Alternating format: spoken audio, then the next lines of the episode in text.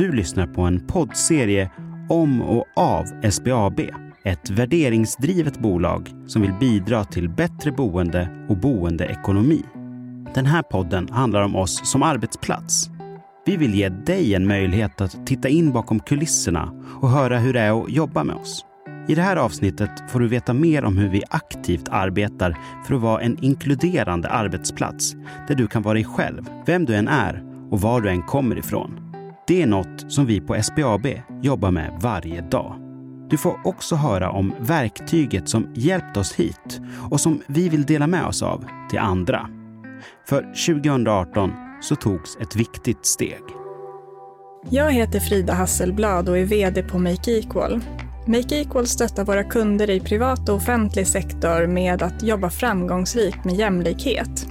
Vi fick möjligheten 2018 att börja jobba tillsammans med SBAB för att göra företaget till en ännu bättre arbetsplats. Men det kom ju inte från ingenstans det här. Massa kvinnor på min Facebook började skriva fruktansvärda bekännelser och jag förstod inte vad som hände.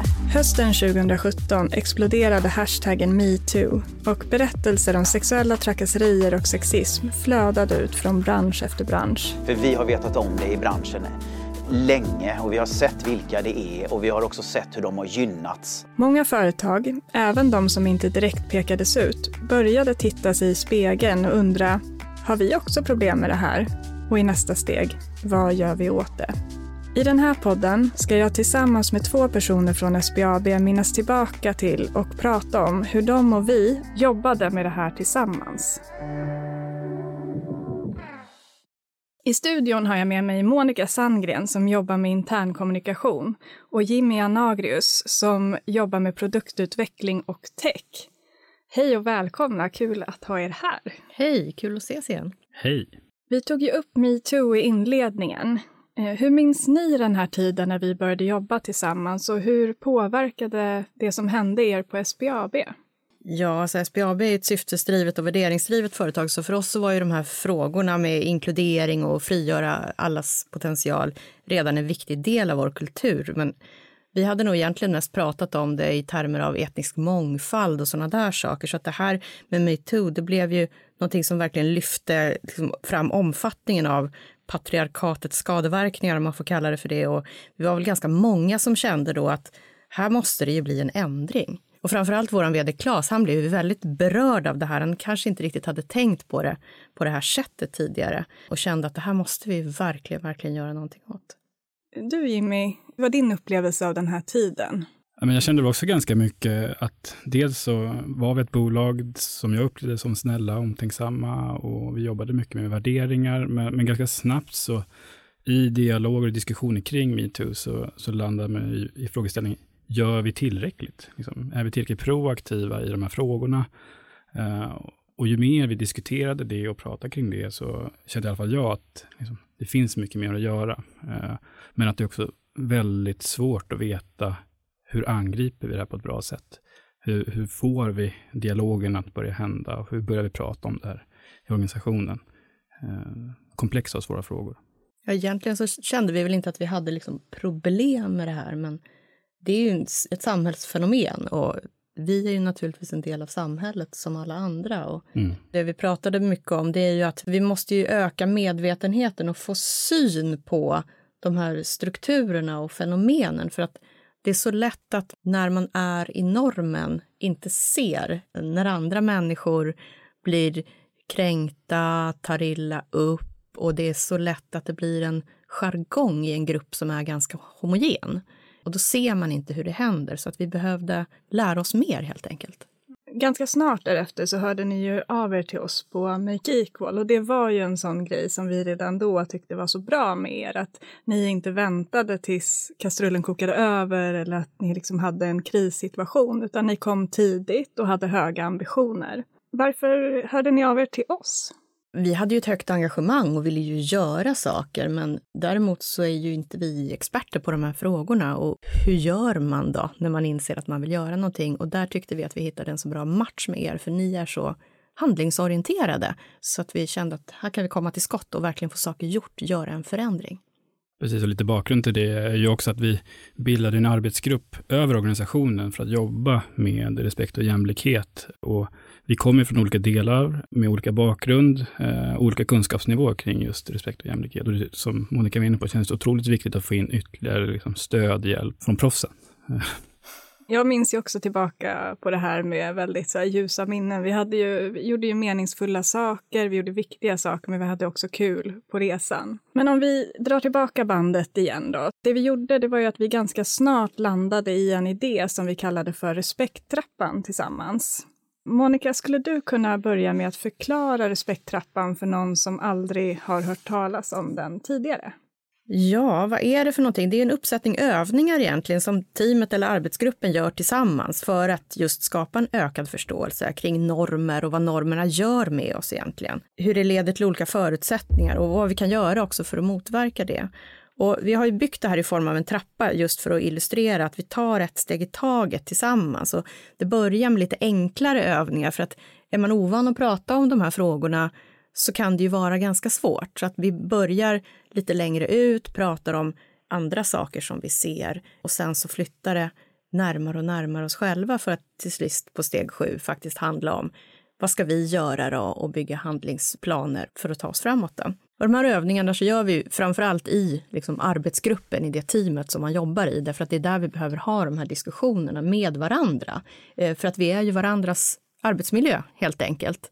Och det vi har märkt är ju att man öppnar upp och pratar. Det blir ju ganska privata samtal många gånger. Att det har ju också fått bieffekterna att eh, teamsammanhållningen har blivit bättre och ja, lett till många positiva sidoeffekter också. Och det var ju ska säga, en av de viktigaste delarna med respekttrappan, att sänka tröskeln för att faktiskt börja prata om, om frågorna. Både utifrån att skapa diskussionsunderlag i materialet, men också göra det enkelt att facilitera övningar. Så lite vem som helst ska kunna göra det med de man jobbar med, för att just kunna diskutera frågorna och skapa samsyn. Ja, mycket var ju positivt och roligt i det här. Men om vi för en stund bara stannar upp. Monica, minns du någonting som var utmanande i att ta fram den här plattformen som blev Respekttrappan? Ja, alltså vi har ju ägnat jättemycket tid åt det här. Det är sju steg och det är sju övningar man ska göra och lägga teamtid på det. En övning tar ju kanske mellan en halvtimme till upp till en timme beroende på hur mycket fokus man lägger på de olika samtalsdelarna. Så det är klart att det var ju utmanande att få hela organisationen att prioritera detta. Så att det krävde ju en del förändringsledning och det krävde ju att vi verkligen hade ledningen bakom oss. Och det, det, hade vi ju. Det var ju liksom vd Klas som hade tagit initiativet till att jobba med det här. Och det var ju väldigt tydligt sponsorskap uppifrån hela ledningsgruppen. Och vi jobbade också med hela ledarkollektivet för att klä på dem ordentligt och verkligen förstå poängen med det här och också kunna kliva in med lust. Ehm, så det gjorde vi också, att vi byggde övningarna med en väldig valfrihet, att vi har många olika sätt att närma oss ämnet. Alltså vi täcker ju alla diskrimineringsgrunder. Det handlar ju inte bara om kön och sexuell läggning och sådana saker, utan vi täcker ju verkligen alltihopa. Man skulle kunna gå in som team och ha lite valfrihet i det och känna att jag är med och påverkar vad vi pratar om och det här har vi lust med och det här tycker vi är viktigt så att det inte blir någonting som känns pådyvlat uppifrån. Det tror jag var en framgångsfaktor. Och här jobbar vi ganska mycket målstyrt också. Alla bolag skulle ha förflyttat sig genom hela trappan eh, innan året är slut. Och så visualiserar vi hela tiden vart vi stod, hur många som hade gått, vilka steg eh, och prata om det på månadsmöten och så för att både påminna oss själva och lyfta också att vi tycker det är viktigt för oss som bolag. Så ett sätt att skapa drivkraft i organisationen. Och delade berättelser också ju, att eh, det här gjorde vi i våra team och så här funkar det för oss och det här fick vi ut. Så att vi hela tiden kunde fylla på med positiva känslor kring det. Ja, men det är ju starkt. Och Jimmy, du leder ju ett team. Vill du berätta någonting som du minns från när ni i ert team genomförde Respekttrappan? Mm. Ett steg som i det här fallet var det roligt och jag tycker också att det lustfyllda är väldigt viktigt när man pratar om det. blir lätt tunga frågor, svåra frågor och kunna kombinera det med någonting som skapar energi och glädje Eh, skapar en helt annan effekt också. Och en sån övning som vi gjorde var en bild säger mer än tusen ord. Vi gjorde den på en teamdag när vi var iväg tillsammans och det handlar om teambuilding den dagen och bli starkare som grupp. Och det den övningen gjorde, det går ut på att eh, liksom visualisera stereotyper i omvänd ordning. Till exempel då är traditionellt kvinnligt, görs av den som är man i det här fallet. Då. Så teamet drog iväg och gjorde porträtt av varandra. Det starka med det var ju just de, här, de visuella bilderna. Titta på det och reflektera kring dem tillsammans. Eh, en väldigt så här, katalysator just för den diskussionen. Det var liksom otroligt starkt. Det var några i teamet som de googlade bara car man och car woman och kollade på resultatet i, i Google. Och sen gjorde de replikor av de bilderna som man fick upp där och det blir så tydligt hur stereotypt det kan vara. Och det roliga sen efter var att de här bilderna blev ju sagt starka att titta på ur, ur ett teambildande perspektiv. Så vi hade med oss dem som uppsatta på väggen. Eh, både då liksom bli påminda om hur lätt det är kanske att visualisera, lyfta fram någonting på ett stereotypt sätt, eh, men också att påminna oss om den här dagen vi hade tillsammans. Och det var en bra dag för vårt team. Kring de här temana som trappan eh, berör, alltså jämställdhet, mångfald, inkludering och så, finns det ju mycket myter, förutfattade meningar. Det är ganska lätt att eh, man också stöter på patrull eller motstånd i olika former och det möter ju vi på Make Equal ibland när vi kommer ut. Vi försökte ju också ta med oss de lärdomarna och bygga trappan på ett sätt som skulle klara den utmaningen som det innebär. Vill ni ge något exempel på liksom hur vi tänkte smart när det gällde att eh, minska motståndet. Ja, en grej är ju de här samtalsreglerna som vi ju faktiskt fick ifrån er på Make Equal första gången vi hade en workshop tillsammans som sätter tonen egentligen. Det ena är tolka snällt, att man alltid ska för, liksom förutsätta att de andra har en god intention i det de säger oavsett hur det kommer ut. En annan är ju provtänka, att det, är, det måste vara tillåtet att säga vad som helst. Och det här är ju två begrepp som vi faktiskt har tagit med oss utanför det här sammanhanget och använder i alla möjliga möten och arbetssituationer på SBAB nu. Så det, där har, det har ju varit en väldigt stor behållning för oss. Ja, verkligen. Det har ju blivit en del av som kulturen mm. och, och det är, eh, används eh, frekvent i olika diskussioner. Att eh, nu, nu provtänker jag och väldigt kraftfulla ord att använda och enkla. Men sen till slut då, så blev ju det här med respekttrappan inte bara en grej för er på SBAB. Idén kläcktes ju att vi skulle ta det här och göra till en extern produkt som fler kunde få del av. Hur kom det sig att ni på SBAB ville ta det här projektet externt tillsammans med oss? Jag tror att dels var det någonting som kanske växte fram utifrån att när vi hade kommit ganska långt under 2018 och gjort de här övningarna så det var många som kände att wow, det här gör skillnad. Borde vi inte låta fler ta del av det här? Sen blev det ju väldigt konkret och tydligt när eh, vi valde att sätta det som en del av vår årsredovisning. Eh, där vi helt enkelt gav ut ett löfte att eh, under 2019 kommer vi göra Respektrappan tillgänglig till alla. Så då var det ju bara att köra.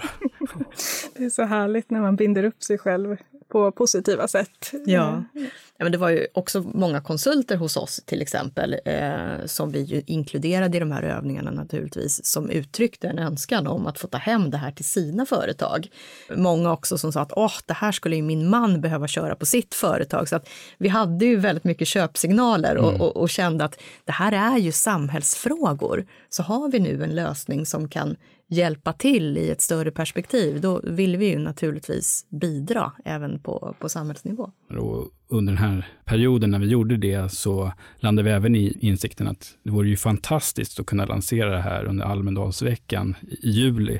Så då, då var ju inte under 2019 längre hela 2019, utan det fanns en tydlig deadline till Almedalsveckan i början av juli, vilket gjorde att tidsramen för att lösa det här blev väldigt kort inför eh, Almedalen och att vi skulle bygga den här sista delen då av produkten, där behövde vi pengar. Jag minns väl en promenad genom trädgården som en del av SPAB där vi samlas ofta och äter mat och så. Där jag gick och, bad eh, Claes om att få lite pengar för att göra klart där och under de här 30 eh, metrarna får ett ja, vilket jag också tycker visar väldigt tydligt på vad det innebär att jobba i en värderingsdrivet bolaget. Men det behövdes inte mer än 30 meter och en dialog för att landa i att vi, vi gör det här. Och sen bildades det ju ett kompletterande team som hade till uppgift just att baka om den här äh, produkten till en extern version. Och producenten för den här podden har ringt upp Ulrika Lindahl som var en av dem som fick det här uppdraget att göra resan med respekttrappan från intern till extern produkt. Vad var det som var knepigt då? Eller? För det var redan bestämt att det skulle bli externt. Det var inte så att det fanns något tvivel utan det här skulle genomföras. Och vad var det då som, som mm. tänktes att det kunde vara knepigt? Det finns massa knepiga saker med det. Eh, vi lärde oss väldigt mycket under vägen om eh, legala förutsättningar, marknadsplaner, tekniska plattformar och sådana saker. Men det där är ju saker som man löser med hjälp av experter på de områdena. Något annat som vad klurigt var den själva självrannsakan som det innebär att lansera ett sånt här material externt. Vi diskuterade frågor som Känns vi som aktörer på finansmarknaden som en trovärdig avsändare av ett sånt här material? Kommer våra intentioner att faktiskt genuint vilja bidra till att skapa mer plats för respekt och jämlikhet i samhället och tas på allvar? Vi ville ju inte slå oss på bröstet och kalla oss för experter på de här sakerna, för det är vi inte. Men samtidigt så hade vi fått ihop ett material som innebar en stor hjälp i att strukturerat kunna arbeta med de här frågorna och få till fantastiska dialoger och reflektioner. Och där kände vi att det kan vi inte hålla för oss själva. Du har mött människor som har reagerat på att ni har lanserat den här grejen. Hur, hur har stämningen varit från dem? Jo, men just det. Det stämmer. Jag kommer att tänka på, det var bara här för ett par månader sedan en lärare på en gymnasieskola med ungefär 2000 elever som länge hade letat efter material och övningar om respekt och jämlikhet som hon kunde gå igenom med eleverna och med sitt arbetslag. Och efter att hon hade hittat respekttrappan så hörde hon av sig till en kollega här på SBAB och berättade att hon liksom tyckte den här var helt fantastisk med dess innehåll och att hon hade mejlat alla arbetslagskollegor plus rektorn. Och att få den feedbacken om att vårt material bidrar till respekt och jämlikhetsarbete redan i skolan, det känns helt fantastiskt eh, och jag tror att det är jätteviktigt att sådana här diskussioner får ta plats i skolmiljö. Och sen så vet jag att jag tänkte på ett annat exempel också det var också ett sånt tillfälle som fick mig att le från öra till öra. Det var när jag blev kontaktad av en person som arbetar inom HR inom pappersmassaindustrin som berättade att de också hade letat länge efter ett sätt att bedriva strukturerat respekt och jämlikhetsarbete men inte vetat hur förrän de hade hittat då respekttrappan som är väldigt strukturerad. Och nu planerade de då att först låta ledningsgrupperna gå igenom trappan för att sedan ta det vidare till arbetslagen. Och det här fick liksom en riktigt god känsla i hjärtat hos mig när två så olika målgrupper som bägge kan göra så stora insatser i respekt och jämlikhetsarbete hade nytta och hjälp av någonting som vi hade producerat. Ja, men det är stolthet och lite lycka. Det måste jag säga. Känner ni igen det här som Ulrika berättar? Ja, absolut gör vi det. Och, och i det här sammanhanget var det ju också så skönt att kunna kroka arm med er på Make Equal för att ni är ju en trovärdig avsändare av just den här typen av saker och också när vi började prata med olika organisationer så kände vi att de behövde ju kanske stöd och hjälp att komma igång i det här och det är ju inte vår uppgift på SBAB och då kunde ju ni kliva in där och vara det stödet. Ja, det känns väldigt mäktigt att höra. Eh, nu har vi ju pratat länge om respekttrappan och vi vet vad målet är, att öka respekt och jämlikhet på arbetsplatsen och att alla ska kunna nå sin fulla potential. Men som alltid, resultat spelar ju också roll. Hur har det gått? Kan man se någon skillnad i kulturen på SBAB? Vill du börja Jimmy? Men det tycker jag absolut. Eh, jag tycker redan efter första året när vi hade jobbat då väldigt intensivt med det här i hela organisationen så var det en tydlig skillnad i språket. Även om vi tyckte att vi var snälla och omtänksamma innan så, så blev det en skillnad. Eh, det var andra typer av begrepp som vi använde. Vi, vi hade möten på lite andra sätt. Och det där har fortsatt och hållit i sig, tycker jag. För den som behöver data för att övertygas, då, finns det också någon statistik som vi kan luta oss mot? Har det här hjälpt er i, i rätt riktning? Ja, men det har det ju absolut gjort och eh, precis det här som jag pratade om nyss, det fick vi också bevis för när bankbranschen gjorde en undersökning om trakasserier där SBAB tydligt stack ut genom att vara mycket känsligare, det vill säga mindre tolerant. Definiera mer som olämpligt, helt enkelt. Men också att vi hade mindre av det. Så trots att vi var känsligare så tyckte vi att vi hade en bättre upplevelse. Så det var väl ett jättefint kvitto. Dessutom så går ju år för år siffrorna upp i våra medarbetarundersökning där vi varje år mäter engagemang på olika parametrar och framförallt vi såg en skillnad eh, under 2017 när det gällde kön, alltså hur kvinnor och män svarade. Och de skillnaderna har suddats ut väldigt mycket nu, för de handlade om de här, den här typen av frågor om hur man blir behandlad och lika behandling och det där. Eh, och den skillnaden ser vi inte längre i siffrorna, så det är jättefint tycker jag. Mm. Om vi går till er då, Jimmy och Monica, alltså vad har ni tagit med er? Har ni gjort några egna lärdomar från den här processen och att ha jobbat med respekttrappan på olika sätt?